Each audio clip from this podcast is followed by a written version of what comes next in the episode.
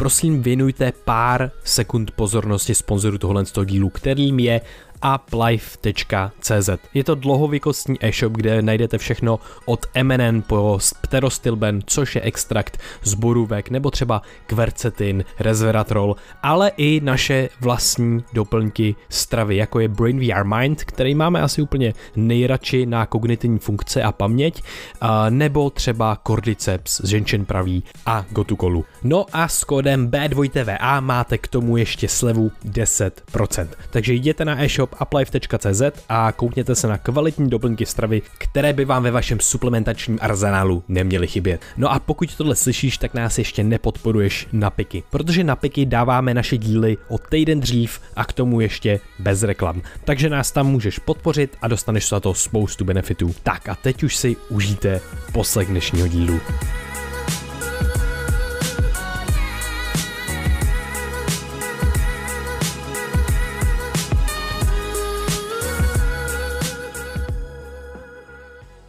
Ahoj Vojto. Čau Krištofe. Hala, lololol, a máme tady... Lololol?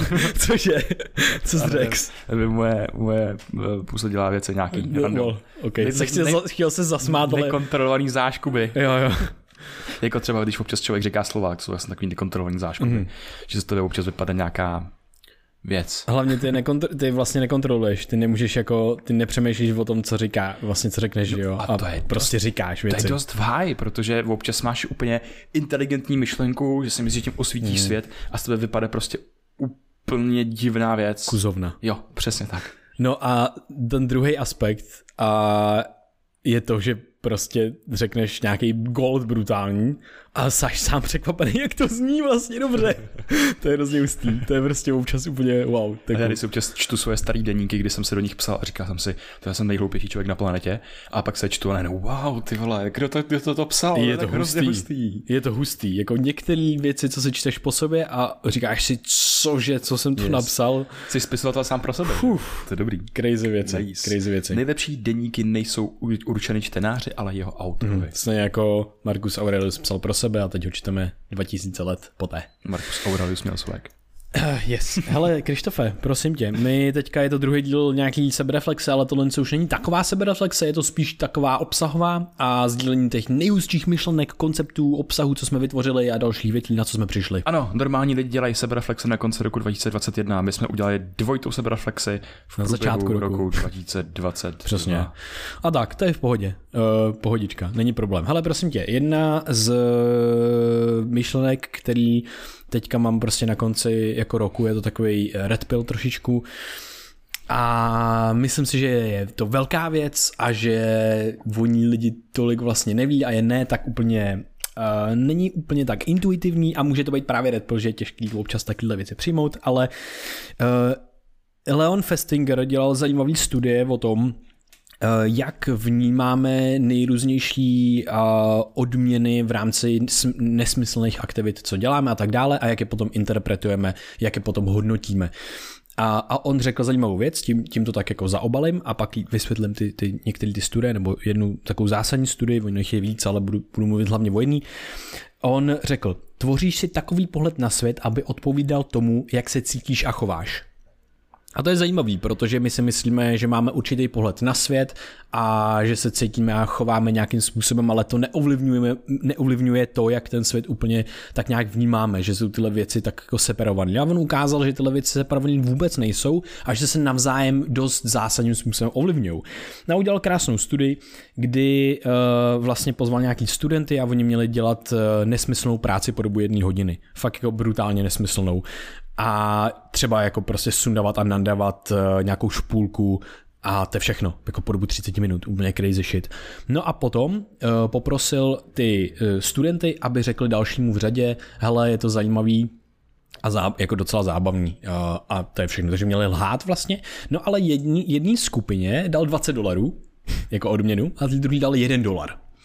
No a potom přišel ten, ta, ta vlastně skutečná, oni nevěděli, že ten skute, ta skutečná studie přichází až v tu chvíli, co jim dali dotazník a oni měli hodnotit, jak to ve skutečnosti vnímali tu práci, co dělali po tu, po tu jednu hodinu, tu nesmyslnou práci, která jako je docela štvala jako reálně, protože byla fakt mega nudná. No a ukázalo se, že ti, co dostali ten jeden dolar, tak si tak nějak integrovali tu lež, kterou řekli, průměrně. Průměrně hodnotili tu nesmyslnou práci, jakože jo, nebylo to zas tak hrozný, bylo to jako OK, víš co, a pohoda. Ti, kteří dostali 20 dolarů, tak to nejvíc hejtili. Řekli, že to bylo nejnunější hodina v jejich životě, že to byl úplný bullshit. Nebych to typoval naopak úplně. No právě. A to je on, a to je hrozně hustý teďka, co, co je a co se ukazuje z dalších experimentů a to je brutálně hustý. Ty, když si dostal nějakou externí validizaci tvýho chování, tak jsi nemusel měnit svůj interní stav. Takže jsi mohl být nasraný, protože jsi za to přece dostal 20 dolarů. Ale my máme integrovaný mechanismy naší psyché, našeho mentálního, našeho, naší mysli, aby se ti snižovala psychologická bolest.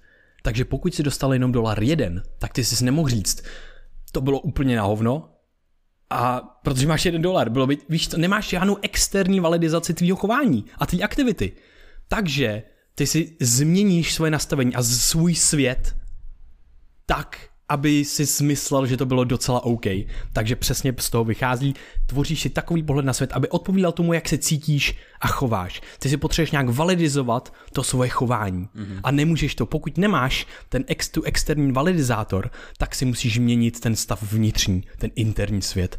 A to je brutálně hustý. A, a je to takhle ze vším. Ty když prostě, já nevím, si prostě koupíš nějaký jídlo a pokud bylo mega drahý, tak ti bude, bude velice těžký pro tebe ho hodnotit objektivně a budeš, i když bylo hnusný, tak budeš říkat, jo, ale, ale bylo tam tohle, tohle, tohle, bylo docela dobrý. Pokud bude hnusný a stálo hrozně málo, tak bude daleko jednodušší říct, hej, to bylo hrozný, prostě pojďme si dát něco jiného nebo něco. Ne, nebudeš muset měnit tolik ten interní stav. A v té studii to bylo trošku naopak, ne? Ne, ne, ne. Ty, ne, kteří dostali málo, tak měli tendenci jak to hodně jako lepší zkušenost, než ty, kteří dostali hodně. No, to, no jasně. No tak protože máš externí validizaci toho, když, když dostaneš peníze za to, tak přece to můžeš hodnotit negativně, že jo? Když to byl úplný bullshit. No právě, že ale ten výstup z toho je daleko lepší, takže bych to, to hodnotil spíš pozitivně. Ne, tu zkuš, tu dostaneš, dostaneš dotazník, když děláš něco. Není, není to tak, to máš, to je právě ta neintuitivní věc. Ale mě, mě, nějak se mi nepotkáte ty dva světy. Jaký ty to dá úplný smysl? Teď to je úplně jasný. Já to nechápu. Jo, tak já jsem na to četl celé jako velkou kapitolu knížky a je to prostě jenom to, že ty potřebuješ, ty se nějak chováš ve světě. Ty jdeš na, představ si, že jdeš nějakou fucking megadunnou zkušenost. Máš psychologickou bolest a tvůj smysl, tvoje mysl a tvůj organismus potřebuje nějakým způsobem si to vysvětlit. A co udělá? Když dostane dolar, tak se nemůže říct, yes, mám jeden dolar a stalo to za to. Ne. Musí si změnit to svoje interní nastavení, ten pohled na svět a internalizuje si lež, kterou, kterou řekl, takže bude si myslet, že to nebylo zas tak hrozný, protože to nemůže odkázat, nemůže to validizovat něčím jiným. Nemůže to validizovat těma penězma, protože žádný nedostal skoro. Když to, když dostaneš 20 dolarů, tak ty jo, to už jsou docela dobrý peníze a můžeš na to nadávat, protože si to validizovalo tou finanční odměnou, kterou si měl. Ten tvůj, ten, to tvoje rozhodnutí tam jít. A to je mega hustý. A tohle, co se nám děje neustále. Takže když děláš nějakou hrozně zbytečnou pozici mm-hmm. pracovní mm-hmm. a dostáváš za to hrozný randál peněz, tak se na to můžeš dost dobře nadávat. To je, to je fakt divný. To je fakt, a je to hustý, jak mi to přijde jako ne, neintuitivní. Jo, a přitom, to, a... jako mi to prostě, jako fakt mi to Bolí tě to. Bolí mě to. Já vím, já Bol... nevím, nevím, proč, třeba mě to přijde úplně jasný, protože jenom ten obrázek, ten, co chci, na... ale je to super, protože teď jsme to mohli vysvětlit víc, ale ten základní obrázek je takový, že představ si organismus a ten se chce vyhnout bolesti. I sám, sám sobě. Já to chápu. Máme toho vnitřního interpretátora, přesně který tak, neustále tak. má tendenci vytvářet ty příběhy. Přesně tak. A jsou na to prostě ty krásné experimenty, hmm. jako když fakt, já nevím, jdeš do ledničky a máš tendenci... O, ne, počkej, já jsem se spojil na druhý experiment. Wow, hmm. hrozně hustý. Měli... Uh, vzali, vzali účastníky nějaký studie a dali jim dvě fotky. Jedna fotka uh, prostě bylo většinou holkám dávali týpky, týpkům dávali holky hmm. a oni měli hodnotit, kdo z nich dvou je atraktivnější. A tak jakoby vybrali nějaký lidi, kdo z nich dvou je atraktivnější a tak. A potom a a oni prostě prohodili tu fotku. Hmm. Že oni, oni řekli, že to je ten typek je pro ně atraktivnější a oni potom jim na tady nějaká podstrčili tu druhou fotku, a... která pro ně atraktivní nebyla. Hmm. A pak měli vysvětlit, proč hmm. je pro ten člověk atraktivní. A, a oni, si příběh. A oni vytvořili ten příběh, proč jsou pro ně ty hmm. lidi extrémně atraktivní. Tohle je ten vnitřní bullshitter a ten vnitřní um, vyprávěč příběhů, Mhm. mm. který neustále má pocit a má potřebu vytvářet pocit, že my jsme uh, v kontrole toho našeho jo. chování a našeho vnímání Jo, světa. Jo. A teď tady jenom potom vysvětluju dál na těch různých studiích a tak, ale ty autoři proto, proto se tak cítíme dobře, když dobrovolničíme. Proto se tak cítíme dobře, když jsme interns někde. Za to nedáv- nedostáváme odměnu, ale máme vnitřní odměnu. Mm. Takže bez jasný vnější odměny si vytvoříme odměnu vnitřní. A to mě fascinuje. Takže takovýhle red pill na začátek a myslím si, že to je, uh, fu, jako je to velká věc, protože uh, není to intuitivní a děje se nám to vlastně neustále. A je to přesně to, můžeme to vztáhnout na nejrůznější věci. Jako máš tendenci si víc hodnotit líp věci, za které si zaplatil hodně peněz. Jenom tím, že stojí hodně peněz. To je crazy. Mm-hmm. To je hustý prostě. Přijde mi to neskutečně zajímavý a pojí se mi to s dalším Red Pillem, který jsem si na který jsem přišel v průběhu minulého roku. A to je mimetická teorie chtíče. Mm. Že, že máš tendenci hodnotit věci, za kterých zaplatil hodně peněz a také máš tendenci hodnotit líp věci, které dělají ostatní lidi. Mm. Že mimetická teorie chtíče od René Girarda tak navrhuje, navrhuje že uh, lidi neví svý, ze své podstaty, co chtějí mm. a tím pádem kopírují svoje chtíče podle ostatních lidí. Mm. Takže ty si třeba nekupuješ to auto kvůli tomu, že to je tvůj celoživotní sen, ale kvůli tomu, že ho má tvůj soused. Nebo ty celý život něco chceš a pak se vyskytneš v nějaký skupině lidí a pak se najednou pořizuješ ty věci, které mají oni a děláš ty samé aktivity, které dělají oni, začneš hrát sport, který tě vůbec nebaví, číst knížky, které tě třeba tolik nebaví, ale vlastně ti to dává ten vnitřní pocit, že jsi na správné cestě, protože to dělají ty lidi mm-hmm. kolem tebe. A my máme tendenci mimikovat a napodobovat chování ostatních lidí. A ten náš mozek je ten trošičku kámen v cestě, protože nám neřekne, že jsme na špatné cestě, že tohle nejsme my, že tohle není na, naše autenticita, ale řekne nám, wow, hej, teď děláš dobrou věc, protože zapadáš někam mm-hmm. a mimikuješ chování a úspěšný chování někoho z nějaký třeba úspěšný jako, řeknu to hnusně, kasty lidí. Mm. Takže tohle je můj red z toho minulého roku. Mimetická teorie chtíče. Jo a mě to váže jenom, uh, jenom taková vsuvka, že, že ty dostáváš i dopamin za to, když uh, někdo říká to, co si myslíš, mm. nebo někdo dělá to, co děláš ty a tak dále a teda, teda. Takže vlastně to potvrzuje tohle, co taky je to ještě vlastně silnější potom v rámci toho dopaminu. A na to se mi váže takový citát, který nevím od koho je, možná Epictetus. Úkolem filozofa je zaměřit se na své myšlenky a podrobit je testu. Mm. A to se váže na to, OK, co chceš a proč to chceš. Není to kvůli tomu, že to chce někdo další, podle té teorie, anebo ty zprávy tady řekl, co jsi to řekl? Teď tapě.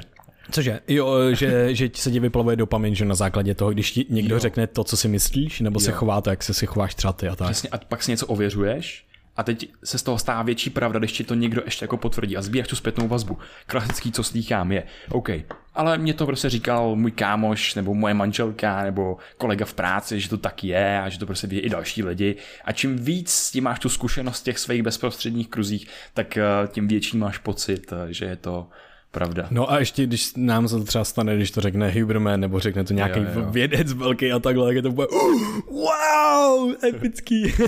se, se teď viděl takovou věc a jenom týpek uh, někde v nějakým, nějaký, s, nějaká sešlost nějakých konspirátorů, nějaký teorie, nevím, co to bylo teď, tak říkal, že nevěří ničemu, prostě co nevidí na vlastní oči, že prostě totálně empirická zkušenost svoje a je, všechno ostatní je pravděpodobně bullshit. A ten reporter se ptá, no a viděl jste někdy svůj mozek? nice. to je hustý, to je, to je, to je sranda. To bylo hezký, no. Hele, jaký další věci se ti tak jako s tím minulým rokem pojej? Co tě překvapilo, co ti, co ti vyvstalo, jaká myšlenka, nebo seriál, film, kniha. Jo, jo, jo. Hele, mám pro tebe knihu, která mi jako vyvstává, vzpomínám si na ní teďka zase jako víc a víc, možná si ji přečtu znova. Ok, jsme u knih, super. Um, problém tří těles. Ah! I knew it. Oh. a tahle knížka... I forgot. I know you did.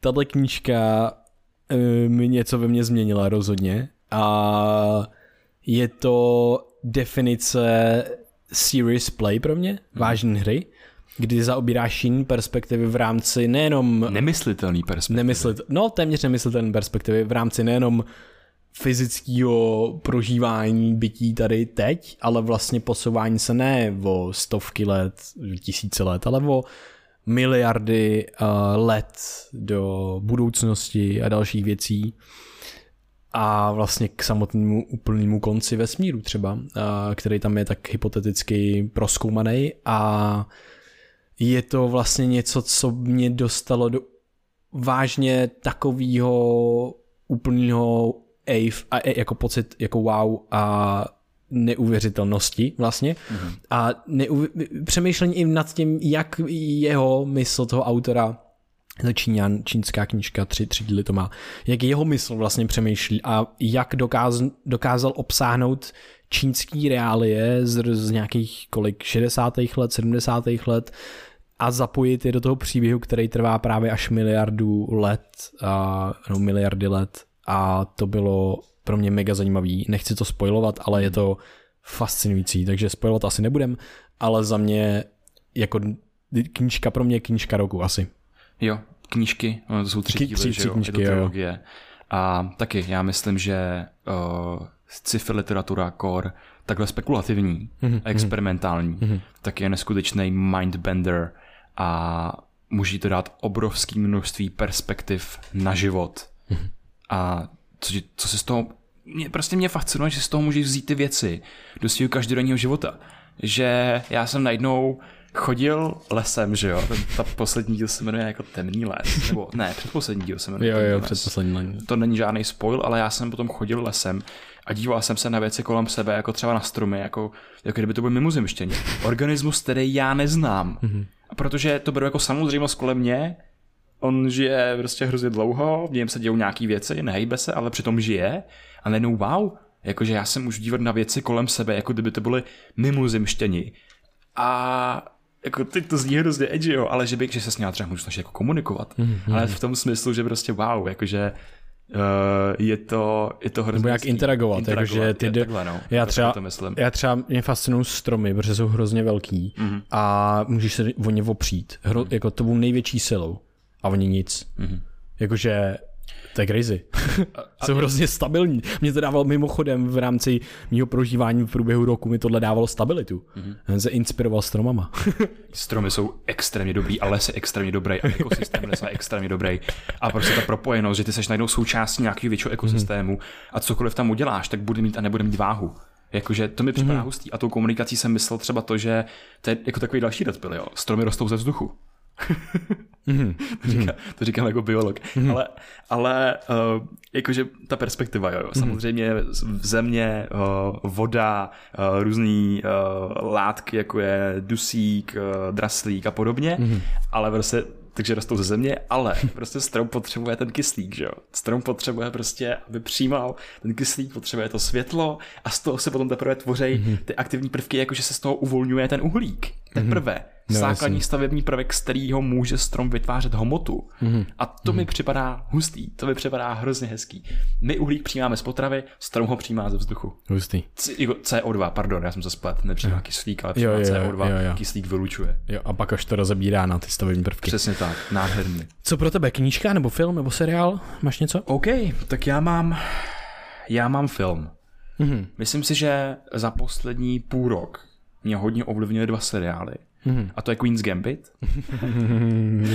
Queen's Gambit, královský, eh, král, jak to se ještě v češtině, královen... K- královnin... Královnin Gambit. Pře- přepadení. OK. Nevím, jestli... Královninu, královninu přepadení. Nevím, jestli přepadení. No, není, takže... seriál o šachách, kde hraje nejkrásnější herečka 21. století. Když se zamiloval, má kráš teďka, no a je to. jo, a když, když to má trošku alkoholička, no. ne, nevíme, jestli v reálu asi ne, že jo, takže dobrý. No právě no, a mě před zvláštní typy. uh, no, takže Queen's Gambit a jakože ani bych nevěřil, jak mě to ovlivní, protože my jsme díky tomu začali hrát šachy, mm. částečně díky tomu, mm. protože to bylo něco hezkého a najednou wow, já jsem vždycky chtěl hrát šachy a šachy jsou součástí našeho života do dneška a je to mm. závislost. Je to hustý, no. Co ti dali šachy? Uh, ty jo, jako myslím si, že mi učej prostě soustředění obecně a, a těmhle těm věcem. Nemyslím si, jako jo, potom myšlení, prostě ještě připomínání různých jako efektů a mentálních modelů, jako efekta druhých a třetích řádů a dalších těle věcí, ale myslím si, že hlavně soustřední. Jako já, já vlastně nevěnuju to, tolik tomu mentální energie, takže si myslím, tohle je jako základní věc, to mi mm. hlavně dali šachy. Jako mě fascinují šachy, jak jsou to komplexní mentální sport, a že se tam právě můžeš naučit spoustu věcí, nejenom soustředění, ale právě myšlení na více frontách, rozdělit se to svoje myšlení a obsáhnout více věcí v budoucnosti, vlastně scénářů a jak je to přenositelný do všedního života že mě se hodně v těch šachách jako reflektují nějaký, jako, nějaký jako věci z mého života, mm. protože tam máš, tam máš krásný, krásně reprezentovaný princip jakýsi jako kauzality když uděláš nějaký move, nemůžeš ho vzít zpátky a ovlivnit to celou další hru. Mm-hmm. Protože co máš v šachách? V šachách máš nějaký otev, otevírání, nějaký openingy, mm-hmm. kde táhneš různýma způsobama a ovlivní to průběh té hry. Díky těm openingům, jak uděláš ten první krok, tak se dostaneš do té střední hry, do té middle game a tam najednou se rozhoduje ten útok a obrana, tam se teprve děje ta vlastně aktivní, velká aktivní mm-hmm. část té hry, mm-hmm. což tě potom vede jakoby k tomu, k té závěrečné fázi, k tomu endingu. A taky je něco jiného, když, když tam přijdeš prostě s koněm a s králem nebo s dvouma pěšákama a najednou vidíš tu změnu perspektivy, že si myslíš, že třeba brutálně útočíš mm-hmm. a najednou někdo udělá move, jsi neviděl jo, jo. naprosto klíčový pohyb, který úplně změní hru a ty díky tomu prohraješ. Mě šachy naučili si klást otázku, co právě teď nevidím. Mm-hmm. A naučili mě si klást tu otázku jako i v životě. Že mm-hmm. si mhm. myslím, že něco je dobrá, dobrá mm-hmm. strategie, že někam jako jdu mm-hmm. a najednou se zastavit a říct si OK, co právě teď nevidím. Třeba na moji krávnu vidí střelec, mm-hmm. nebo někdo takovej. Mm-hmm. Že můj geniální move není zase tak geniální, jako vypadá v mojí hlavě. A druhá věc, přesně ta miskoncepce emocí je, jakmile se cítím v té hře velmi emočně jako zapojený, mm. že vnímám pozitivně svůj progres a svoji strategii, že tě třeba tlačím, často hrám spolu, mhm. vlastně jenom hrám spolu. a najednou se ukáže, že jsem zaměnil svoje emoce za reálnou situaci, mm. že ty pak to otočíš, protože jsem přesně neviděl ty věci. Já jsem víc slepej vůči různým příležitostem a vůči různým hrozbám, když jsem v těch emocích. Takže se hmm. učím svoje emoce jako začít mít víc pod kontrolou. Jo. Jakože, nebo, nebo pod kontrolou, snažím se říct, OK, já teď můžu být méně nadšený. Přesně, Protože přesně. myslím na ty efekty druhých a třetích řádů a vím, že to, co se děje teď, tak může v budoucnu se totálně jako převrhnout. Mm-hmm. Hele, k tomu mám hrozně ustovět, protože tohle, tohle to si, myslím, že je to učení do toho života, protože to, co se děje třeba tobě víc než mě, a mně se to taky děje částečně, je to, to ta emoční investice do té hry a už nejenom v té samotné hře, jak tě to ovlivní, ale potom v tom životě. Čím méně ty jsi emočně investovaný, tím méně energie ti to bere a tím méně psychologické bolesti potom zažíváš následně. Takže já se vlastně, já se snažím být vlastně jakoby potřebuješ vyrovnat to, jak moc jsi do toho investovaný, aby pořád se snažil hrát a záleželo ti na tom, aby nebyl jako že já whatever, aspoň, ale zároveň nemůže být tak moc investovaný, jako že ti potom ta prohra třeba zničí nebo hmm. něco takového. Takže to, jsou zajímavé věci. Zároveň musíš mít nějakou, nějakou optimální úroveň těch emocí v té hře, abych se učil, protože jo, jo, jo. tam funguje nějaká učící křivka a ta nejdřív, OK, mám eh, status studenta, řekněme, takže tě ty prohry ne, ne, moc nezajímají, protože mm. se učíš pak ale dosáhneš nějaký úrovně. A začneš být kompetitivní. Učící křivka mm-hmm. začne stagnovat a začneš být kompetitivní. Takže se vyrovnávat na úrovni svých soupeřů a tam začneš být frustrovaný. Mm-hmm. A ty emoce tě najednou začnou jako ničit. Jo, jo, jo. to se mi stalo v tenise já úplně, to je všude, crazy. V pinčesu, v prostě v dalších sportech, který většinou hrajeme spolu, eh, v šachách, že jo. A potom zase přichází ta fáze, kde se potřebuješ naučit udělat ty dva kroky zpátky a jo.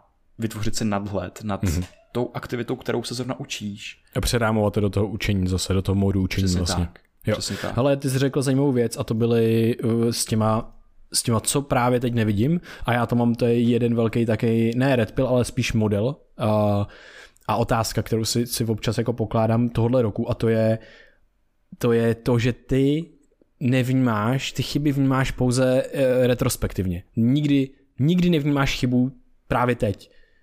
Protože nej, to nejde, to bys jinak nedělal. Ty prostě děláš to, co děláš, protože si myslíš, že to je no, nejlepší možná možnost a tak dále.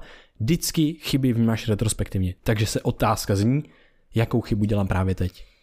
Yes. A to je brutální. To je hrozně užitečný, protože to ti pak vystávají prostě věci a tam jsou ty otázky. Tam jsou, tam přichází potom to že pochybuješ nad některýma věcma, ale není to takový to pochybování, jako že si zničíš úplně život, ale je to prostě takový, podle mě je to otázka na zdravý pochybování o právě teď mm. situaci, co se děje a nesmíš jako být, musíš být určit, jako musíš mít určitou stabilitu, jinak tě to taky může rozházet samozřejmě mm. jako všechny tyhle ty věci, ale je to to zkoumání, který mi připadá velice zajímavý. Myslím si, že to je dobrý použít jako nástroj, mm. právě jako zastavení se a říct, jakou chybu dělám právě teď mm. a nebejt z toho úzkostnej, přesně, přesně. pak tě to vede do impostra. K tomu se mi pojí uh, vlastně koncept našeho mozku, fungování našeho mozku, což je nějaká exterocepce a interocepce. Mm. Jak náš mozek přepíná mezi pozorností na vnější události a věci a mezi nějakou vnitřní reflexí a pozorností na naše nějaký vnitřní procesy. Mm. Uh, schrnu to rychle.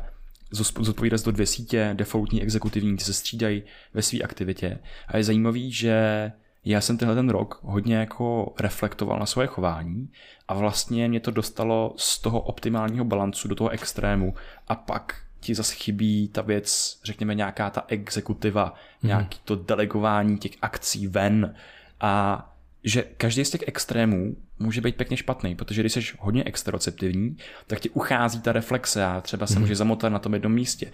Když jsi hodně interoceptivní, tak zase se ztratíš ve svých vlastních pocitech a myšlenkách a najednou ti to může výst do přehnaných úzkostí a depresí. A ukazuje se i z té neurovědy, že ten optimální stav je v tom přepínání. Jo. Za to přepínání totiž může další síť toho mozku, která se nazývá takzvaná salientní síť a může za to inzula. Inzula ta uh, pozoruje nějaký věm, který se děje uvnitř nebo vně tebe, přiřadí mu důležitost a podle toho se ti zapíná jedna nebo druhá síť a podle toho je intenzivní tvoje reakce. No a občas se může stát, že ve vnějším světě je nějaký maličkatý stimul, který vytvoří vnitřní bouři. Mm-hmm. A děje se ti to často. A děje se to třeba lidem, kteří jsou hypersenzitivní, což je hrozně zajímavý koncept. Taky jsem se s ním to setkal, hodně mi pomáhá v tom pracovat se svojí biologií. Lidi, kteří jsou víc citliví na stres, víc citliví na kafe a tak dál, a tak dál, a tak dál. A najednou, co je tvým úkolem, je rekalibrovat tu inzulu, mm-hmm. tu její aktivitu, té salientní sítě, aby tvoje odpověď vnitřně, ten vnější stimul byla adekvátní. Jo. A stejně na ten vnitřní stimul. Když máš nějaký vnitřní stimul, můžeš s ním začít pracovat. Takže si myslím, že ta rovnováha mezi těma těma dvouma sítěma je to, co vyhledávat v tom balancu, aby ten stres nebo ty emoce nebyly dlouhodobě destruktivní pro tebe. Jo, jo, jo, určitě souhlasím. Myslím, že ta, to cyklování, jak i toho vlastně, jak jsme se bavili, toho módu učení třeba a potom integrace a nějaký ty intuice v rámci už toho naučení, tý, naučení aktivity, tak si myslím, že taky je hrozně zajímavá a přesně můžeš přepínat i mezi tím kompetitivním módem a tím učícím módem a všechny tyhle věci.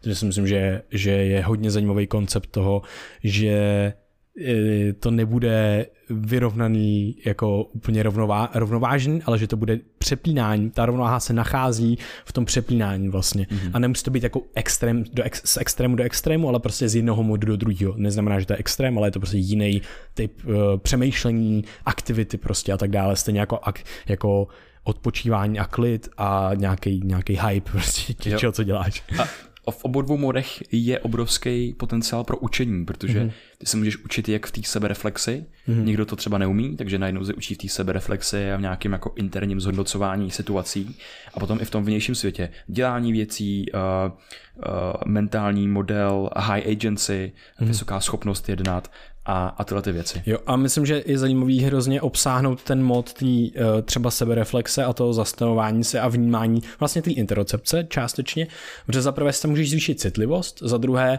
tvůj organismus neoptam, ne, neoptimalizoval uh, vnímání pro to, aby vnímal prostě svoje vnitřní procesy tak dobře. Nevnímáš prostě neustále tlukot srdce, tvoje pohyby střev, tvoje aktivitu ledvin, tvoji aktivitu prostě všech tělen z těch jako vnitřních orgánů. Protože by se z toho zbláznil. Za prvé a za druhé to není tak směrnatná věc, jako vnímat prostě nebezpečí a odměny z okolí. Ty daleko seš nastavený na tu exterocepci, daleko, daleko víc. Takže ty můžeš kultivovat si tu, tu interocepci a najednou, co se stane, je hrozně zajímavý. Ty získáváš dlouhodobější informace. Je to prostě meta schopnost, která ti umožňuje potom dlouhodobě zpracovávat ten kontext, s kterým se nacházíš líp. A to mě hrozně baví, že vlastně fakt tyhle ty módy se doplňují a ten, ten meta, to, to, to meta vnímání nebo to prostě nastavení toho, toho vnímání vlastně dlouhodobého tak je hrozně hustý, že ty se můžeš naučit vnímat věci citlivěji a hrozně to baví. A jenom tady bych rád vlastně trošičku zreflektoval uh, v rámci tohohle můj jeden proces. Mě, já to reflektuju, protože mi to prostě přijde zajímavý, protože to pro mě bylo vlastně znova, jak reflektujeme tenhle rok a je to pro mě nějaká jako informace a jedna z nejdůležitějších věcí za tenhle rok, co se mi stala. A to je to, že jako já si celý život nebo posledních pár let řeším jako jednu věc a to je to, že jsem závislý na vhledech a na informacích.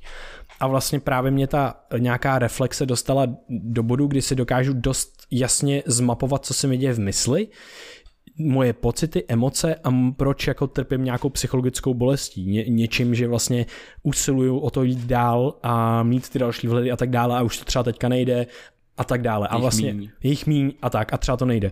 A napsal jsem si jako hustý věci a to je vhled a následný uh, pohled, nové perspektivní vědění a objevený mód bytí je křehký, vzácný a musí se k němu přistupovat s pokorou, láskou, jemností, ale i jakýmsi odhodláním či jemným úsilím.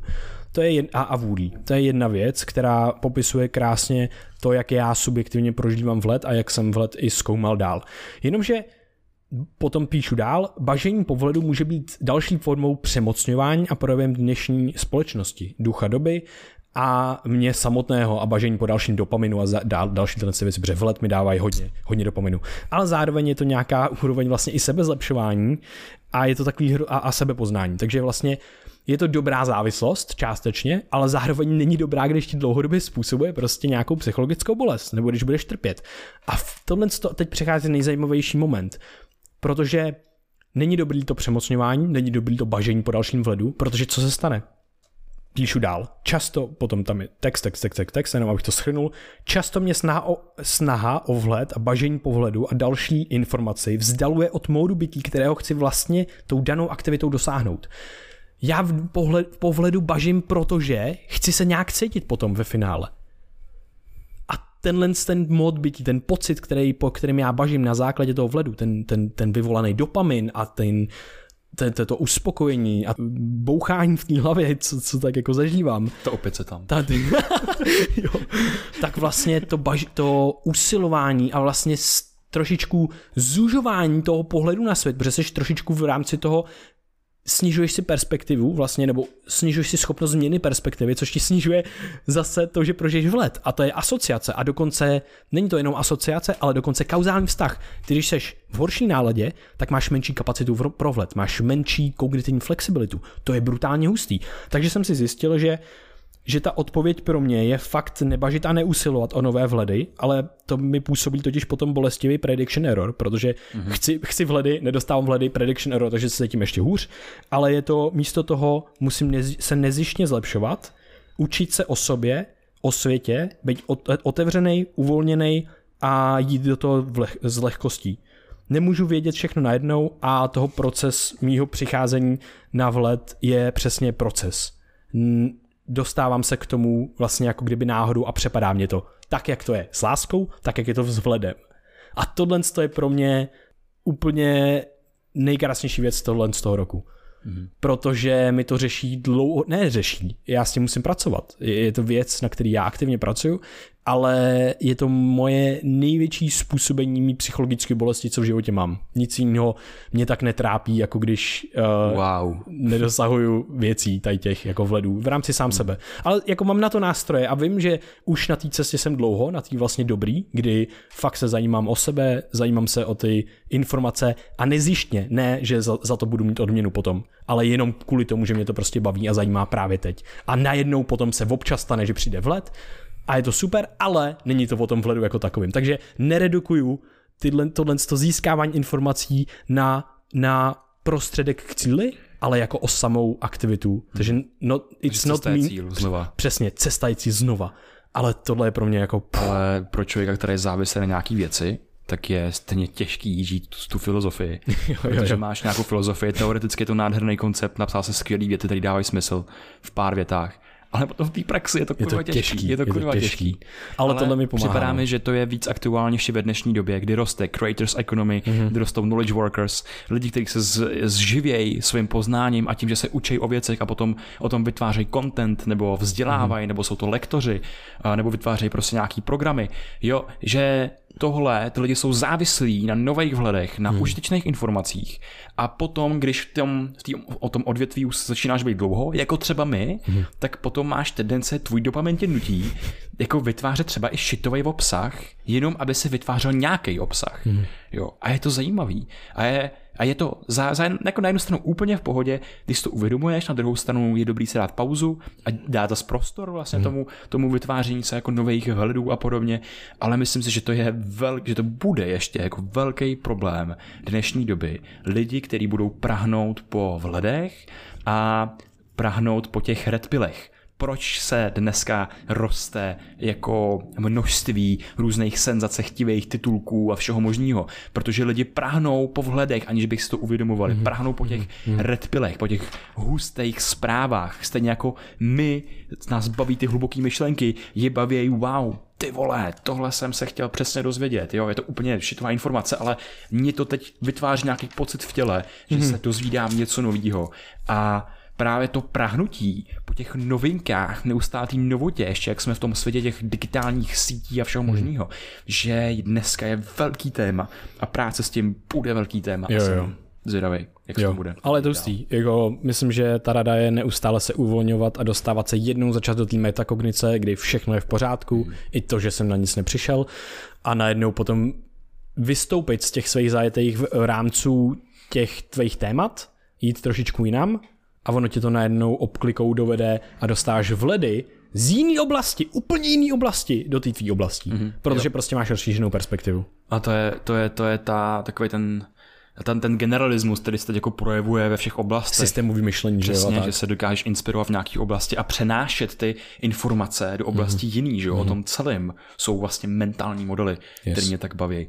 A tady bych se jenom vlastně, bych tady zmínil k těm šachám a ke všemu, on se mm-hmm. to krásně týká. Mm-hmm. Kniha Josh Waitzkin, Art of Learning, mm-hmm. umění, uh, učení, právě, že to souvisí se všem ostatním. Ty se chceš zlepšovat v nějaké oblasti a ty najednou můžeš přenášet principy mm-hmm. z těch dalších oblastí, které už znáš, do té své oblasti a je tak daleko větší pravděpodobnost, že se v něčem staneš dobrým, že uh, se tím třeba začneš v průběhu času živit, anebo že to prostě bude bavit víc, protože skombinuješ daleko víc inputů do nějaký věci a tím pádem nebudeš nejlepší basketbalista na světě, ale uh, budeš, uh, já nevím, prostě něco jiného. jo, něco, něco třeba ještě jako nedefinovaný. No jasně, jako, no jasně, jako cokoliv, a nemusíš být nejlepší, ale budeš nějaký, budeš spokojený sám se sebou v nějaké oblasti, je to jedno. A nebo prostě jenom přijdeš, přijdeš jenom na věc, na kterou bys normálně nepřišel prostě a to je úplně v pohodě. Yes. Máš tu ještě něco? Hele, mám potom ještě jedno, jednu myšlenku, to je kratší a je pro mě takový druhým, druhá a filozofičtější, druhá jako největší myšlenka asi tohohle z toho uh, roku, kterou, kterou jsem si uvědomil, takový možná red pill pro mě určitě, ale já si nechám na později, protože bych to chtěl spíš dát až ke konci, protože tam si trošičku třeba můžeme zafilozofovat víc. Ale teď bych se rád pověnoval právě třeba našem postům na Instagramu a vybral bych ty nejlepší posty na Instagramu, co jsme za tenhle rok měli, protože náš Instagram mm, já jsem fascinovaný tím, co tam potom čtu a koukám, protože tam občas jsou ty nejhlubší myšlenky, co máme. Já jsem zjistil, že pro mě tvorba obsahu na Instagram je fakt brutální, protože občas, co se vytvoří, je z nějakého citátu a další věcí, jsou články potom, mm. jakože fakt články, takže prosím, koukněte se na náš Instagram, BrainVR, stojí to za to, jako ke, každému, ke každý věci je text a hl, občas fakt hodně hluboký text a Vybíráme tam, tak. snažíme se tam vybírat uh, signál z šumu našeho obsahu, který, jo, který jo. tvoříme. A já tady mám ještě jeden, který se váže na to předešlý mm-hmm. a to je tweet Kultivuj si divnost, může ti otevřít dveře, o kterých se ti ani nesnilo. Yes. Divnost je větší než autentická ne, divnost vede, divnost vede k autentické originalitě. Jo. Takhle. A to je to, že ty můžeš vytvořit úplně nedefinovaný třeba pracovní pozici, mm-hmm. nebo úplně nedefinovaný svůj osobní stav, svou identitu. Mm-hmm. A díky tomu můžeš uh, překonat v té kompetici celý další odvětví lidí, plný korporátů třeba. Mm-hmm. Což je fascinující. Hele, divnost je super schopnost dnešní doby. Jakože brutální, je to, je to hustý. Já tady mám příspěvek, který má úplně nejvíc interakcí uh, na našem Insta- Instagramu za tenhle rok, možná dokonce uh, vůbec. vůbec. Uh, tam přes 25 komentářů. Uh, cituji Huberta Reevese. Člověk je ten nejšilnější druh. Uctívá neviditelného boha a ničí viditelnou přírodu. Nevědíc, že tahle příroda, kterou ničí, je Bůh, kterého uctívá. Co si o tom myslíš, Krištofe? Co tě k tomu napadá? Já to miluju. Jakože mě k tomu napadá kniha, kterou jsem tady chtěl zmínit jako druhou, to je Gregory Batesem Ekologie mysli. Mm-hmm. A to, To je, je pravda, to, wow. jak eh, naše inteligence, náš mozek je ve svých základní podstatě slepej vůči svojí systémové povaze. Hmm. Že jsme součástí širšího ekosystému a naše, v naší povaze je, že my se daleko víc identifikujeme se symbolama, který vytváří naše mysl, který, který vytvořila kultura, než s věcma, které jsou opravdu reální a který můžeš jako pozorovat. Hmm. A to je právě rozdíl eh, v nějakým, nějaký užitečnosti mezi Bohem a přírodou. Jo, jo, jo. Pro, A mě, pro mě, pro mě. Pro mě. Jo, jo, jo. Jako eh, pro mě, já jsem tam si potom pojmenovával vlastně vůbec to název, to, ten, ten, ten pojem Bůh a vlastně mi to přijde jakoby jiný pojem vlastně ve finále. Jo, je, je, tak, jak se používá v dnešním kontextu, protože ty si můžeš vzít z toho jako filozofičtějšího kon, kontextu a zjistíš, že to je, jak píše Horáček ve své knížce eh, Vědomí a realita, Uh, tak je to vlastně nějaký konečný rámec, mm-hmm. kterým uzavíráme ně, něco a můžeš to brát jako imanentního boha, ale když to bude ten imanentní, tak to bude ten rámec, který je tady obsažený, což bude ve finále jako můžeš zaměnit boha za vesmír třeba. A já mám prostě Bůh S je... imanentním Bohem nemám vůbec žádný problém. No právě, protože vlastně imanentní Bůh je třeba vesmír, nebo realita, nebo příroda právě. A to je hrozně hustý. A na to naváží právě eh, Hubert Reeves, což je kanadský astrofyzik a můžeš to definovat jako prostě realitu, časoprostor a přírodu jako takovou. A to je to, v co vlastně rozhodně věřím a přijde mi to stejně neuvěřitelně jako někdo, kdo věří nějakého jiného boha. A, a je to hrozně, no, takže je to pro mě zajímavá věc a tohle z tenhle citát je taky pro mě dost silný. Pro mě to je hodně zajímavý v tom, že mě se ten rok eh, tak jako střetli moje nějaká jako eh, přirozená potřeba spirituality Mhm. a přirozená potřeba racionality. A tyhle dvě věci se ve mně teď pustí do nějakého prostě souboje. Ta, ta racionalita vyhrávala na plný koule Mhm. a pak přišli stojici a stojici uh, více méně teď se nejsem jistý, nejsem historik, ale myslím, že přišli s konceptem logos. Logos, který se potom jako přejalo eh, křesťanství a používá ho ve svém vlastním významu. Slovo jako vznik Ale všeho. přesně jo? tak, jako logos. Bavili jsme se ně- s, Martinou Viktorí ano, ano, ano. A pro ně logos uh, představovalo vlastně jako, řekněme, nějaký nevyspětatelný cesty vesmíru, nějakou náhodnost, nějakou, nějaký jako ubíhání jako časoprostoru. A tohle je pro mě, jsem zjistil, tím jako nejbližším zdrojem spirituality a nějakého jako božstva, který, který v sobě mám. Mhm, a to je to, že je to ten, je to ten přesahující koncept, který je kolem mě, kterýho já jsem součástí a Mhm. který ubíhá v náhodných v náhodných uh, Jo, zákonitostech. jo, jo. Je- Mě tam k tomu napadá, že vlastně ty věci jsou, ta, ta realita je hrozně zajímavá, že vlastně my se tím, podle mě tím bohem, tím, po, tím pojmem a tím konceptem snažíme jako uchopit neuchopitelný a pojmenovat nepojmenovatelný. A vlastně, ale když to, a je to fakt jakoby ta jednodušší vlastně věc, protože prostě my nemáme rádi nejistotu. Ukazuje se, že velká, velká, velký zdroj našeho nějakého trápení a menšího smyslu je strach z neznáma. Ale ta realita a v dnešní době ještě, když se zkoumá jiný úrovně reality, než s kterou máme zkušenost, tak najednou tam přichází to, že OK, tohle je neuchopitelný, tohle je nepojmenovatelný a to bylo i dřív samozřejmě, ne, ne, nevěděli jsme, co znamená blesk, jak to, že to tady je, to, to vymýšleli jsme náboženství a vysvětlující principy, které neměly nic, jenom málo uh, relevantního s realitou prostě a tak. A tohle se mi přijde zajímavé, že my to nemusíme pojmenovávat, my tam můžeme mít ten zájem a tu, tu, tu, tu, tu, tu, tu zajímavost vlastně toho, co ještě nevíme. A tam, tam je ta bublina možností, že jo. Takže ty si můžeš tam, tam si můžeš prostě ulítnout myšlenkama a můžeš se tam bavit. Ale vrátit se zpátky na tu zem toho, co je pravděpodobnější nebo pravděpodobný. Takže to mi přijde zajímavý. S tím souvisí i další knížka roku 2021 a to je Alan Watts, průvodce věkem úzkosti. A tam v té knize krásně říká takovou věc, že jedinou jistotou v životě je nejistota.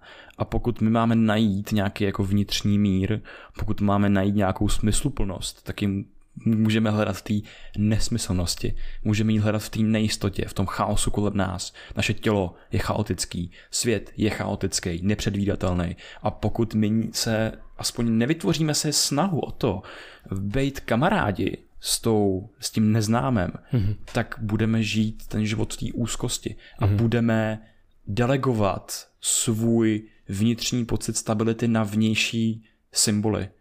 Takže zase si odebíráš to ohnisko zase kontroly a dáš to ohnisko kontroly a dáváš ho něčemu vnějšímu. Wow. A ještě se na to navazuje Jung, kterýho jsem teď dočet jeho červenou knihu, kde jsem zas jako každý rok po Vánocích nemůžu spát, takže jsem v noci si chodil číst jeho červenou knihu, která teda, wow, jakože je to, nevím, ne, je, je to hustý, že jako tam se jako promítá ta jeho částečná jako šílenost. No jasně, jo, jo. jo že prostě on tam má naprosto jako upřímný výklad svých hmm. snů a všeho dalšího, hmm. že člověk to nemůže brát jako doslova, no, ale určitě ne, jsou určitě tam ne. skvělé jako věci. A jedna z těch věcí byla, že tam byl nějaký rozhovor mezi tou jako hlavní postavou, kterou byl pravděpodobně on, a mezi nějakou, já nevím, bájnou bytostí, asi pravděpodobně křesťanského původu, z nějaký křesťanský uh, mytologie. A tam eh, on mluvil o tom, jak, co se vlastně jako stalo, když člověk zabil Boha. Mm-hmm. Jo, Nietzsche. Mm-hmm. Konec 19. století. Člověk najednou jako přestal věřit v jednoho Boha. Ale aniž by to tušil, tak automaticky se vytvořilo zase to mnohobožství. Hmm. Ale mnoho, mnoho, mnohobožství moderní, kdy my se dostáváme do té úrovně, že máme, máme spoustu bohů, kteří nad náma mají nadvládu. Jsou to, je to levný dopamin. Je to levný dopamin v podobě přespracovaného jídla, v podobě našich ideálů, utopí, sociálních sítí, uh, ideologií, sociálních sítí, uh, sociálních statusů. Hmm. A najednou nás ovládá spousta z těchto bohů. A my jsme zase zapomínáme na ten sjednocující prvek který ten původní bůh obstarával, ten symbol toho původního boha, hmm. obsah, obstarával si docující prvek. Hmm. Ten nás částečně házel do jednoho pytle a my jsme se mohli spojovat je vlastně jakoby emočně Jenom s těma dalšíma lidma. S, nějaký, s nějakou skupinou, S nějakou že? skupinou, no, jasně. Jo, samozřejmě. Protože vlastně jeden bůh tady nebyl jako, jeden symbol jednoho boha tady nebyl nikdy jo, no. v historii. A, a jako, takže je tady zajímavý ten koncept přesně tý nenáboženský spirituality, který ty tady přečet ten hmm. citát, hmm. kdy mm, zaměňujeme, jak, jak to tam je? Přečti ho, prosím. Jo, jo, jo, hned to bude.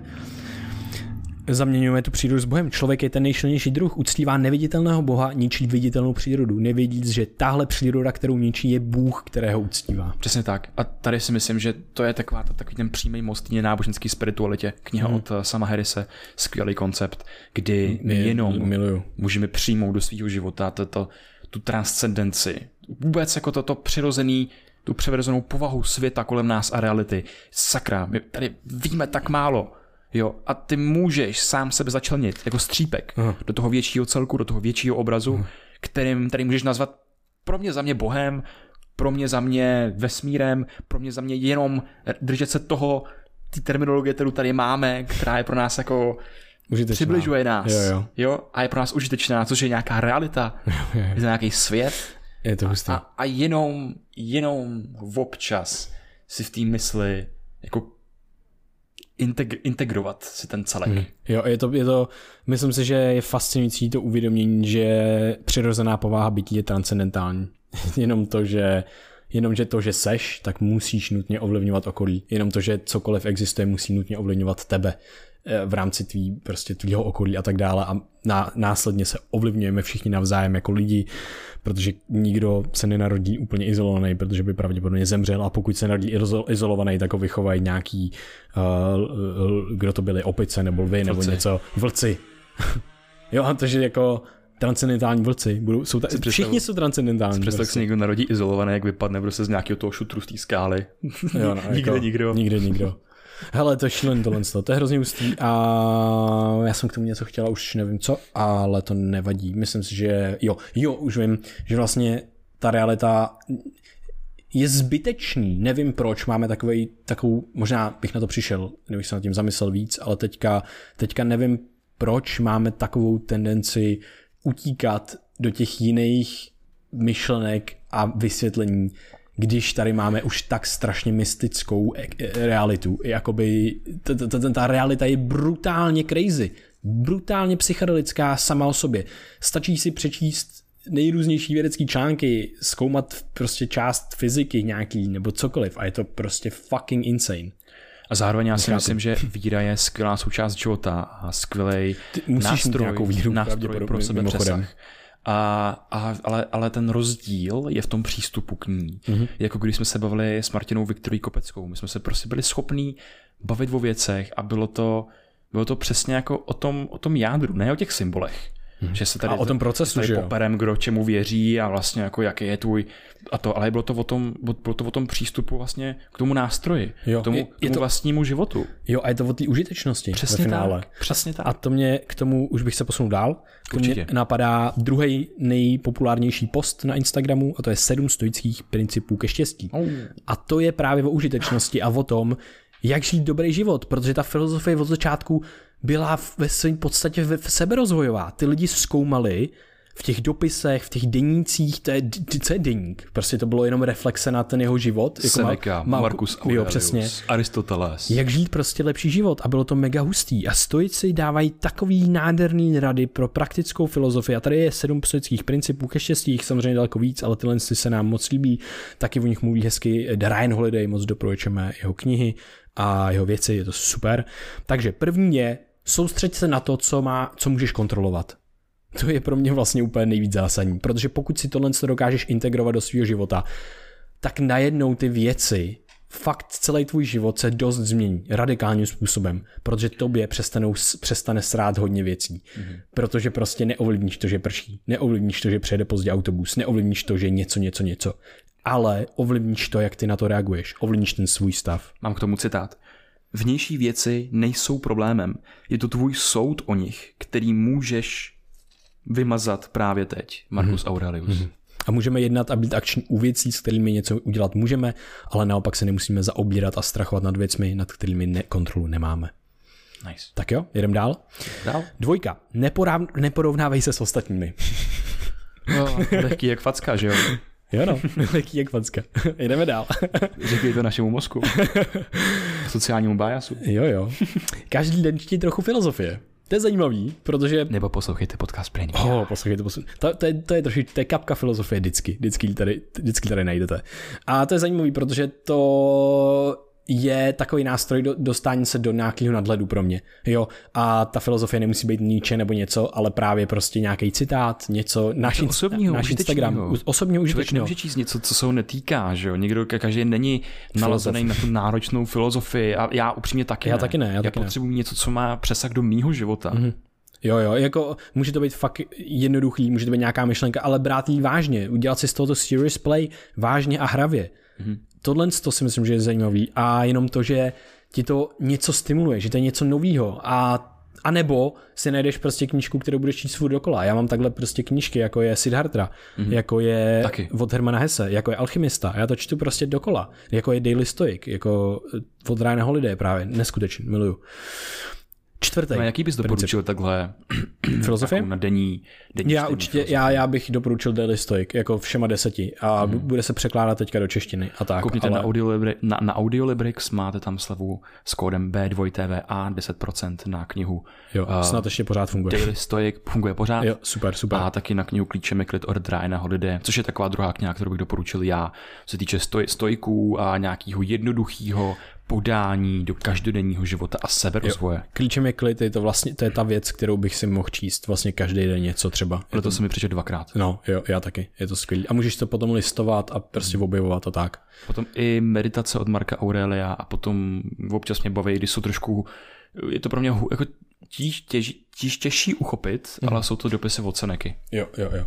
To se taky pro mě těší, jako některé tyhle věci. Musím, musím na to mít uh, náladu a tak, ale potom bych doporučil ještě uh, Livingston Siegel, uh, Racek od, oh, od Bacha. Jonathan, nádherný. No, nádherný, krát, krátoučký a brečím. Vždycky brečí. Čtyřka. Sniž svoje, sniž svoje chtíče a soustřeď se na to, co máš. Jo i ne za mě. Mhm. Jak to? Proč? Protože si myslím, že chtíče jsou dobrý. No ale jo, tady není Jo, jo, máš já vím, já vím, já svoje vím, já vím, Myslíš si, že není, myslíš si, že není užitečný vždycky trošičku snížit svoje Určitě je chtíče? tam důležitá sebereflexe na svůj dopamin. Určitě, mm-hmm. takže souhlasím. Super, tak jo. Já tady mám jenom uh, jeden uh, citát, který hned najdu. Citát zní, pokud se budeš soustředit na to, co máš, získáš to, co ti chybí. Pokud se budeš soustředit na to, co ti chybí, ztratíš to, co máš. Greg McCown. Mně se to hrozně líbí, protože je to, je to, mm, je to daleko výraznější efekt, než si můžeme myslet, ale to naše nastavení a vnímání to, co máme a nemáme, bude přesně měnit to naše nastavení, jestli dokážeme být v klidu nebo ne a další věci a bude fakt to měnit náš život zásadním způsobem. Tak jo. Mm-hmm. Uh, skvělý. Uh, skvělý, skvělý, skvělý. Zároveň zase je to jedna z nejtěžších věcí v životě, si myslím. Je to tak. Pětka. Ignoruj neesenciální věci. Další. Hrozně jednoduchá rada, nejtěžší věc v životě. Jakože jak vybrat to, co je esenciální, to, co je salientní a výrazný pro tebe. To je těžký. Ale pozor, ne, ne, ne, ne, neignorujte neesenciální mastné kyseliny další. yes. Takže uh, taky esencialismus je vlastně taky knižka právě od Grega McCowna, který byl autorem toho minulého citátu a do, moc doporučuji. Knižka skvělá. Mm. Šestka. Žij tak, jako kdybys zemřel a vrátil se k životu. Nejlepší koncept mýho života. Yes. Tvůj Ži- život. Snažím se to žít, miluju to, vnímám věci jako bonus, jako kdybych umřel. Jo, život jako bonus. Prostě. Život jako bonus, každý Neskutečný. den. Moc Prostě- velký, velký štěstí. Teď jsem si psal, OK, chci žít tak, jako kdybych fakt jako umíral každý den. Jo, Je to skvělý. je to skvělý. Ale, Poslední, no, povídej. poslední je... A to neznamená, že každý den budu se účastnit různých divných věcí, jako jsou orgie a brát eh, haldy drog, ale naopak, že si udělám v té všednodennosti tu speciální věc, která mě doprovází životem a která je to maximum, čeho já jsem schopný jako prožívat. Jo. A poslední je, dělej dobro, cíť se dobře. Bam. Bam. A K tomu mě napadá jenom rychlej takový citát, že uh, krásná uh, rozhodnutí, tak já ho neřeknu, protože se nepamatuju. Fuck me. Okay, když, když budeš dělat krásná rozhodnutí, tak budeš krásný i ty. jo, jo, něco takového. A od Epicdita. A to je hrozně hustý, protože tvůj život stojí na tvých rozhodnutích a ty můžeš dělat vždycky. To jedno rozhodnutí, ten krásný abstraktní pojem, ale znamená to, OK, občas se místo Netflixu třeba právě půjdu přečíst pět minut tu filozofii, protože mi to dá něco a pak jdu kouknout třeba, nebo cokoliv jiného, to je jedno, nemusí to být nějaký dogmatický, ale vždycky, když se rozhoduješ se nad tímhle s tím zamyslet, je hrozně užitečný. Mám k tomu další citát a to je nestrácej čas argumentací, jaký by měl být dobrý člověk. Buď jedním. A kdo jiný zas. Marcus Aurelius. No. Jo, jo. Ale myslím, že být dobrý člověk, to je To nejtěžší vůbec. nejtěžší, ale zároveň dost jako jednoduchý, protože stačí se vyhýbat chybám a dělat občas něco do hezkého, dobrýho. Jo, právě, že nejde, nedělat si na sebe takový nároky, jo, protože v dnešní době těch nároků je hrozně moc a stačí, ne, fakt jako, že lidi vidějí, to je crazy, to byl jeden hrozně dobrý podcast o happiness, eh, happiness a dalších věcech a bylo to, že ty lidi vidějí prostě ty velký lidi na tom pědestalu, já musím tady pomoct a dát na charitu. Ne prostě.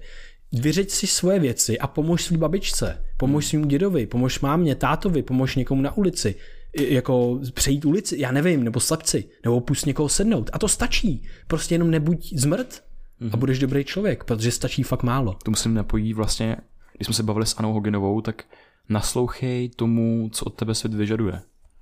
A A zároveň, zároveň si myslím, že tam no, jakoby je velký aspekt, No že, to, že to je určitý naslouchání, ale zároveň vůbec neposlouchej, co od tebe svět vyžaduje. A jako, jako musíš si kultivovat svět, oboje. jakože, ty, jakože jo, když posloucháš lidi, co od tebe vyžadujou, tak prostě se z tebe stává jiný člověk, ale když budeš poslouchat svět, tak prostě nevím, babička potřebuje sednout v autobuse, víš co, já myslím v takovéhle úrovni. Jo, jo, jakože a, a, pak, pak seš ten dobrý člověk v těch každodenních, v těch každodenních činech. Já jsem tam musel hodit, protože No jasně, se mi to Jo, jo, další jo, věci, jo, ale jo, znáš jo, to. Jo, jo, jo. jo. Tak jo, tohle to byly dva nejpopulárnější posty uh, uh, tohle z toho roku. No a já bych navázal. Já, mě v ten rok hodně provázel stoicismus, kdybych měl zmínit jako jednu, řekněme, takovou filozofii. A uh, pro lidi, kteří nevědí, co si o stoicismu myslet, že to je nějaká seberozvojová psychologie. Já myslím, já myslím že ne, už teďka po tomhle dílu už jako... Jo, jo. Přesně tak. Jako ze stoicismu vychází kognitivně behaviorální terapie. Jsou to přímo praktické nástroje, které lidi používají pro to, aby se vyrovnali se svýma úzkostma. A zároveň Nassim Taleb nazval stoiky buddhisti s přístupem není to o tom cynismu, ale o tom, že fakt přichází situace. Nejsou to cynici, jsou to stojíci.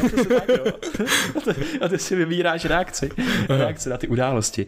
A mně se hrozně líbí nějaký týpek, bude mu říkat pracovně, nějaký týpek, mm-hmm. tak, eh, tak schrnul filozofii stoicismu do takový jednoduchý jako pyramidy, kde na vrcholu té pyramidy je nějaká zodpovědnost za svoje rozhodnutí, za svoje činy, za svůj život. To se mi hrozně líbí.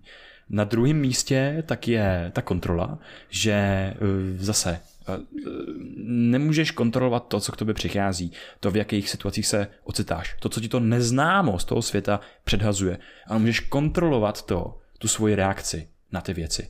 Jak na ně budeš reagovat, jak se z nich poučíš, jestli s nimi něco uděláš, anebo jestli necháš jenom projít kolem. A občas ta kontrola ti ujede a budeš v úplných sračkách. A je to úplně v pohodě, ale můžeš si uvědomit, že jsi v úplných sračkách hmm. a že jdeš tím temným lesem, hmm. ale že každý temný les zase má dobu expirace. Že yes. ty, i ty blbý pocity mají dobu expirace a ono zase se objeví něco dobrého. To, to, to, to mi připomíná hrozně užitečná věc. Nemít, necítit se blbě z toho, že se cítíš blbě. Jo, přesně tak. To je pro mě důležitý. No a třetí věcí je v té pyramidě je takzvaný areté. Mm-hmm. Areté je nějaká excelence, nějaký, nějaký naplňování vlastního osobního potenciálu. To je takový to fucking seberozvojový uh, mrčení, že se snažíš být každý den lepší verzí sám sebe, ale oni to poslali ještě o kus dál, protože areté nože je dobře krájet, areté oka je dobře vidět. Co je tvoje areté? Hmm. Já, když jsem byl v největším šitu, to je ten rok mentálním, jsem si koupil nový sešit, deník, a tam jako první věc jsem si napsal Krištof je Krištofem, jako Pinkava je Pinkavou.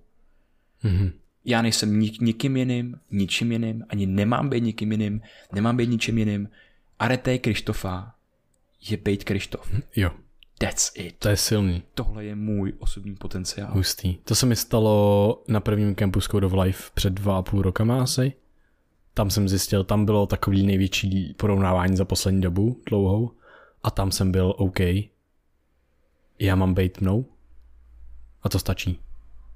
A to, být co? Mnou, já mám být sám sebou, já mám být Vojtou. Jo, mnou. Já mám být mnou. Nope. noob. já mám být noob. nice. Lol. Uh, I can't, I can't 360 no scope, no nic. Uh, hele, tohle to, ale tohle to si prožít, já to přeju každému, protože to bylo nejkrásnější, wow, to bylo nejkrásnější uvědomění. A hmm.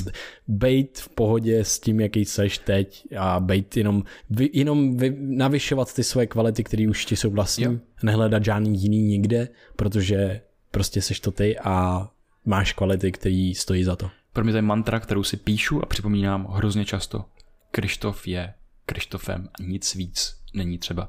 Seš variantou Ten v procesu. Nejlepší. Buď svojí variantou v procesu, nebuď něčím, co ti někdo říká, že máš být, nebuď e, něčím, co ti vyplní nějaký falešný hodnoty tvýho života. Potřebuješ nějaký základy hmm. života, jakože hej, peníze jsou důležitý, e, vztahy jsou důležitý, všechno možný je důležitý, i sociální status Jo? Nějaký je důležitý. Nějaký úrovni vždycky, no. V nějakým svý vlastně jako komunitě, ale buď prostě Kristof je Kristofem. A všechny tyhle věci přijdou. A všechny tyhle ty věci budou s tím. Přesně tak. Budeš ty. Přesně tak. Wow, Zase. tohle je, wow, tohle je pro mě asi jedna z nejhustších věcí. To je crazy. Určitě. Nejtěžší a nejlehčí věc zároveň. je to tak. Já myslím, že je nejtěžší, jo, nejtěžší a nejlehčí věc zároveň. My jsme tady zkomidovali knížky a filmy dohromady, což je hustý, ke knížkám. Mám ještě jednu a to je Ape Who Understood the hmm, Universe. Mm-hmm. Knížka uh, evoluční psychologie, hrozně zajímavý vhled do vztahů a do, našeho, uh, do naší sexuality a všeho dalšího. Taky doporučuji, je to hodně challengeující pro spoustu lidí, kteří třeba nemají podle mě biologický nebo psychologický vzdělání. Mhm. Který- OK, OK. No, člověk je zajímavý tvor a, a to, to je hodně zajímavá perspektiva na člověka. Super, já, já taky doporučuji, já taky se mi to moc líbí. A ještě když jsem u těch seriálů, tak uh, dvakrát jsem letos viděl Queen's Gambit Mhm. a dvakrát jsem letos binge watchnul The Last Dance. Ah, mhm. Poslední tanec a je to v jednoduchosti o Chicago Bulls a o Michaelovi Jordanovi, který je asi největší basketbalista všech dob. V 90. letech vyhráli kolik? Sedm titulů eh, z Chicago Bulls. A tohle to je jeho příběh a příběh Chicago Bulls. A vypsal jsem si z toho takový dvě věci, které jsem si z toho vzal. Nejenom, že mě The Last Dance vyslal na takovou jako dopaminovou potom rošádu, kdy jsem se cítil hrozně motivovaný, což nebylo jak zase úplně jako tak dobrý, že pak jsem mě to Něco nesl- jako moje ef- efekt mý student z prchy. Jo, jo, jo. Když, jsem- když jo, jo, jo, nepotřeboval. Jo, jo. Ale právě, že najednou, když seš fakt jakoby v nějakém šitu a potřebuješ se nějak motivovat pro nějakou věc, mm. tak si myslím, že filmy jsou jako dobrý nástroj. Tam ti to v tobě vytvoří tu emoci a ty potom tu emoci můžeš vzít a přenést do toho praktického života Jo. a svíst se na ní jak na nějakém snowboardu. A Jenom, na tom, jenom na to nespoléhat, je to Jenom na to prostě nespoléhat, je přesně to tak. vědomý jako nástroj zase. No. Jo, je to vědomý nástroj a The Last Dance je pro mě jedním z těch nástrojů. A vypsal jsem si z toho dva citáty, který řekl Michael Jordan a jeden z nich je Proč bych se měl strachovat, že netrefím koš, dokud jsem nevystřelil? Jo, jo. A pojď na to druhý citát. Tvůj jediný úspěch se koná v moment, kdy konáš úspěšný akt. A já bych v tom té druhé části té věty vykonal to úspěšný, Mhm. kdy konáš akt. Mhm. On se to propojuje, protože naše mysl vytváří spoustu různých scénářů a eh, my naše prožívání často delegujeme do naší mysli. A je to škoda, protože tím nám uniká spousta z těch reálných příležitostí, hmm. Aktů, který můžeme konat ve světě. Hmm. Takže snažím se mít strachovat o to, že netrefím další koš ve svém životě. Místo toho, a místo toho se snažím, ne, místo toho střílem. No a Hlavně... hlavně, Ty, ty se nemůžeš snažit, to je blbost. Ale hla- koncept je úplně vedle. jo, ale hlavně je crazy, že tohle je zároveň ten nejlepší možný mindset, protože to by to změní fyziologii, to by to změní mozkovou aktivitu. Čím víc jsi sebevědomější, tak tím máš větší pravděpodobnost, že uspěješ. Což se ukazuje z... no to, je, to je tak moc pro, proskoumaná robustní věc, že to je úplně jasný jako facka už teďka. A je to hustý. Ano, a taky může zároveň je zajímavý. Ty můžeš to sebevědomí úplně odstranit z té rovnice a jenom konáš a jenom konáš Mhm, a pak přijde sebevědomí, pak přijde skill, pak přijde dovednost a pak přijde mist- mistrovství. Jo. Ne nějak postupně, Nemus- jsem to řekl random, ale prostě potom můžeš důvěřovat svýmu mozku, svýmu tělu a svýmu skillu, že něco zvládneš, ale na začátku byl vždycky akt za aktem, za aktem, za aktem Mhm. a stál se efektem sčítání z toho ten výsledný produkt. Jo, skvělý. Uh, já tady mám asi jednu, za mě mám jako ještě dvě věci, ale myslím, že už to budeme ukončovat, ale tady je ta věc, kterou jsem si chtěl nechat ke konci a je fascinující. Je to uh, o vědomí. A to bylo, když jsem si jako uvědomil a prožil trošičku jednu perspektivu, která mě strašně moc baví a nepouští mě už několik měsíců. A to je, že vědomá zkušenost a vědomí je jako odpověď na otázku, nebo je odpověď na otázku, jaké je to být něčím nebo někým. A to mě fakt fascinuje. V tomhle, v této realitě, v tomhle vesmíru je vědomá zkušenost, to prožívání právě teď, odpovědí, aktivní odpovědí na to, jako, jaké je to něčím nebo někým být. A hrozně mě to baví. A když jsem si to prožil, nebylo to jenom, že jsem si to řekl, ale v- skutečně do hloubky jsem měl ten proces toho, jak prostě z něčeho se stává něco a já to prožívám a tak to bylo hustý. To je Huh, nějaký týpek. hezký. Se tomu říkat pracuje nějaký týpek, Aha. Který svoji filozofii zakládá na tom, že uh, vědomí nebo že svět a realita je o tom stávání se. Mm-hmm. O tom vlastně ten stav toho becoming.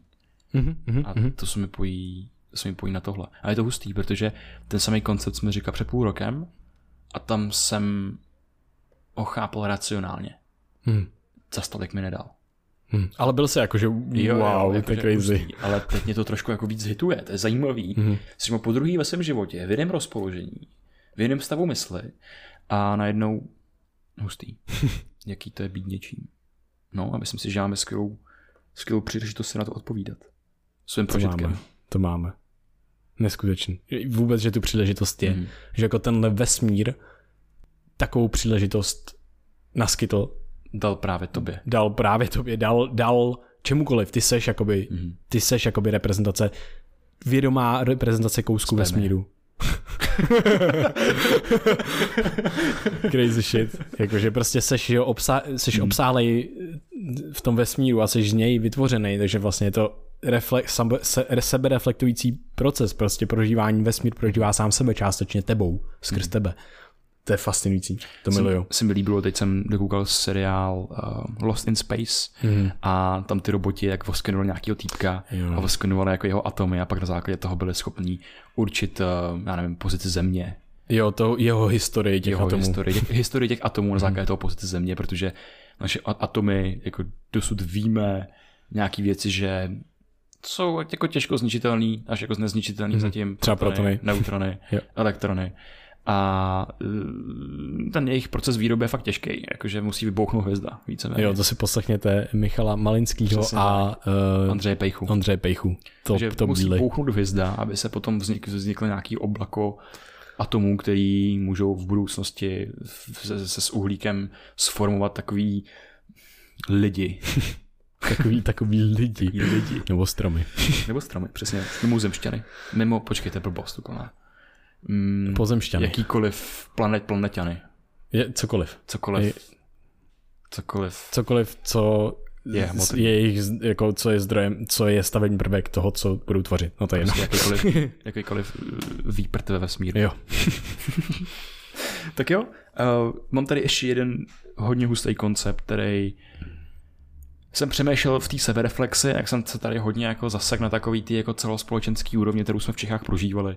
Různý stavy diskuzí, uh, prostě pořád tady trvá věc, kterou, která je jako pandemií a různý kontexty se tady udály ten poslední rok. Pro mě jsou z nich, spousta z nich je neskutečně fascinujících, další spousta z nich je neskutečně frustrujících. Mm-hmm. A vlastně jsem přemýšlel, jestli tady jako rozebrat nebo ne. Nakonec jsme se rozhodli, že ne. A já bych tady zmínil jenom jednu věc, a to je, která mi z toho vystala, vystala hodně, a to je Brandolínyho zákon. Mhm. Co je Brandolínyho zákon, Vojta? Brandoliniho zákon je princip asymetrie bullshitu Yes. a znamená to to, že daleko míň energie vyžaduje vyprodukování jakýhokoliv obsahu a bullshitu a daleko víc energie vyžaduje to, tenhle ten obsah, tenhle ten bullshit nějakým způsobem vyvrátit. Takže vznikne svět, kde bude zákonitě existovat daleko víc bullshitu, než těch věcí, které jsou pravděpodobnější nebo relevantních a tak dále. A ten svět je náš a je to informační svět. Přesně tak. Zase mi se, se mi tady pojí citát, tuším, že to Epiktita, já jsem si ho tady nenapsal, ale je to úkolem filozofa je zam, zaměřit se na své myšlenky a podrobit je testu. A já bych tam vystřídal to slovo filozofa za slovo člověka 21. století. Skvělý.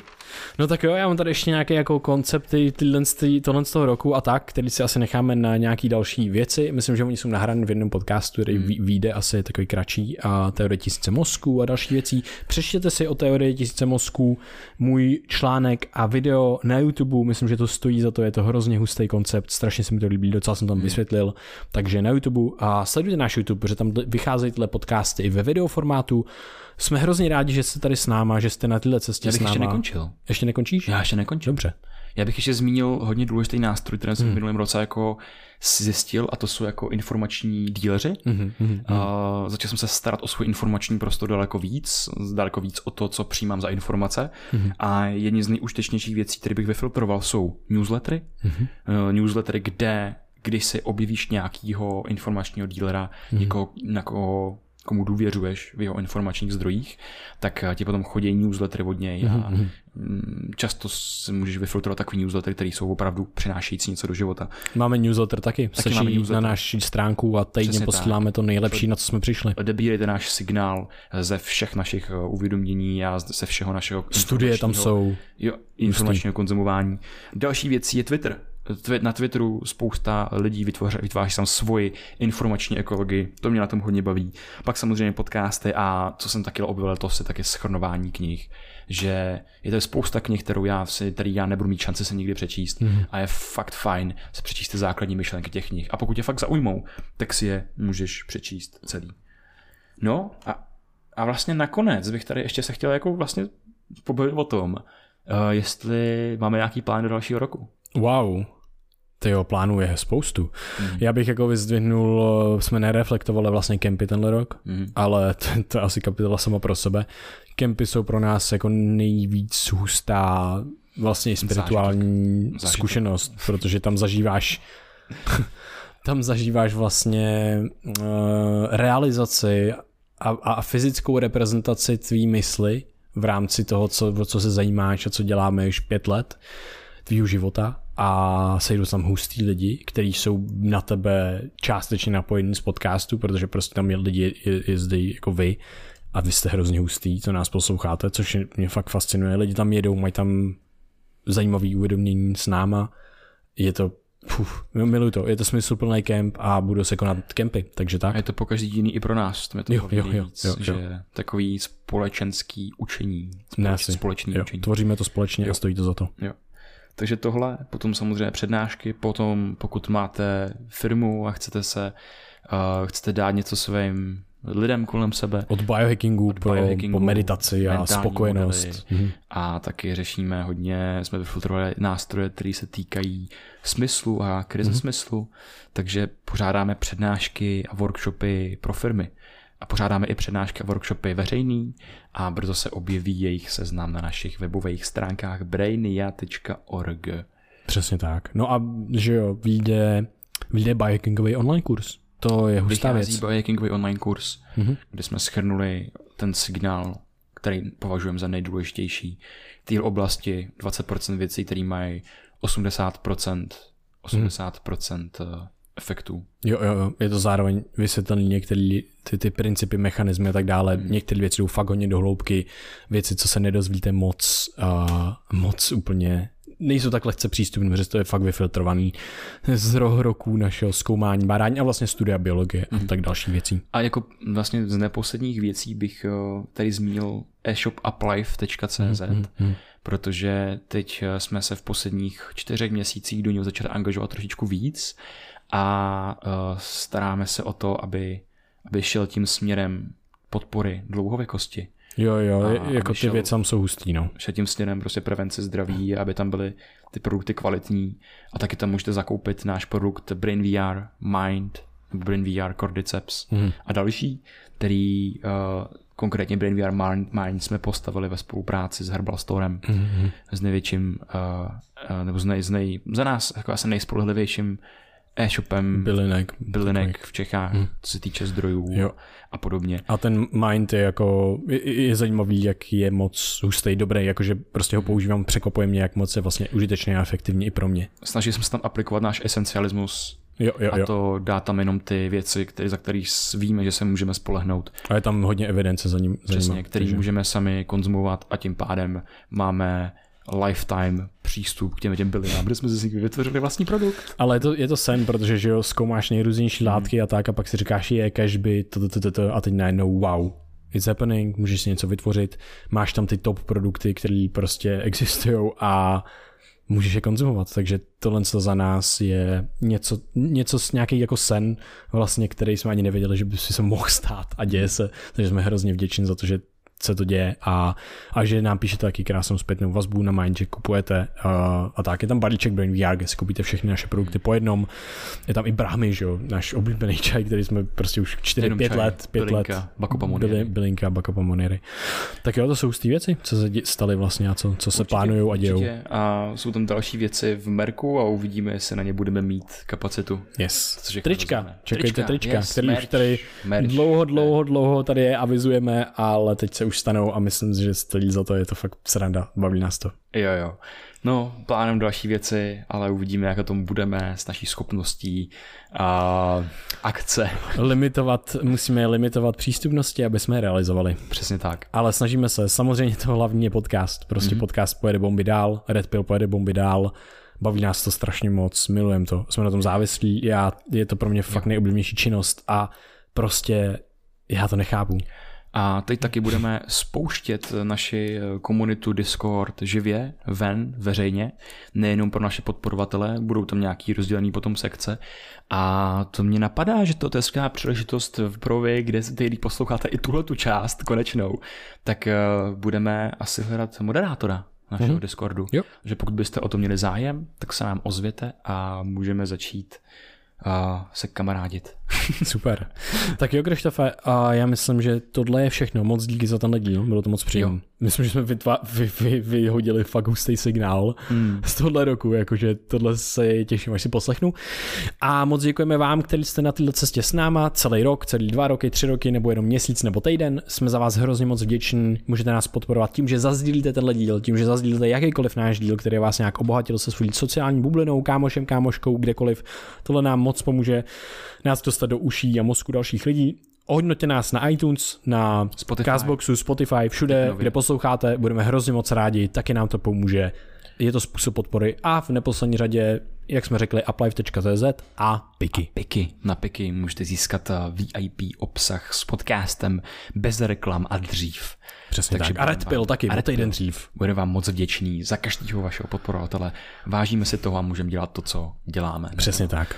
Mějte se nádherně a těšíme se u dalšího dílu podcastu Brain VR. Damn, Damn, dude! Wow! That was fucking good! To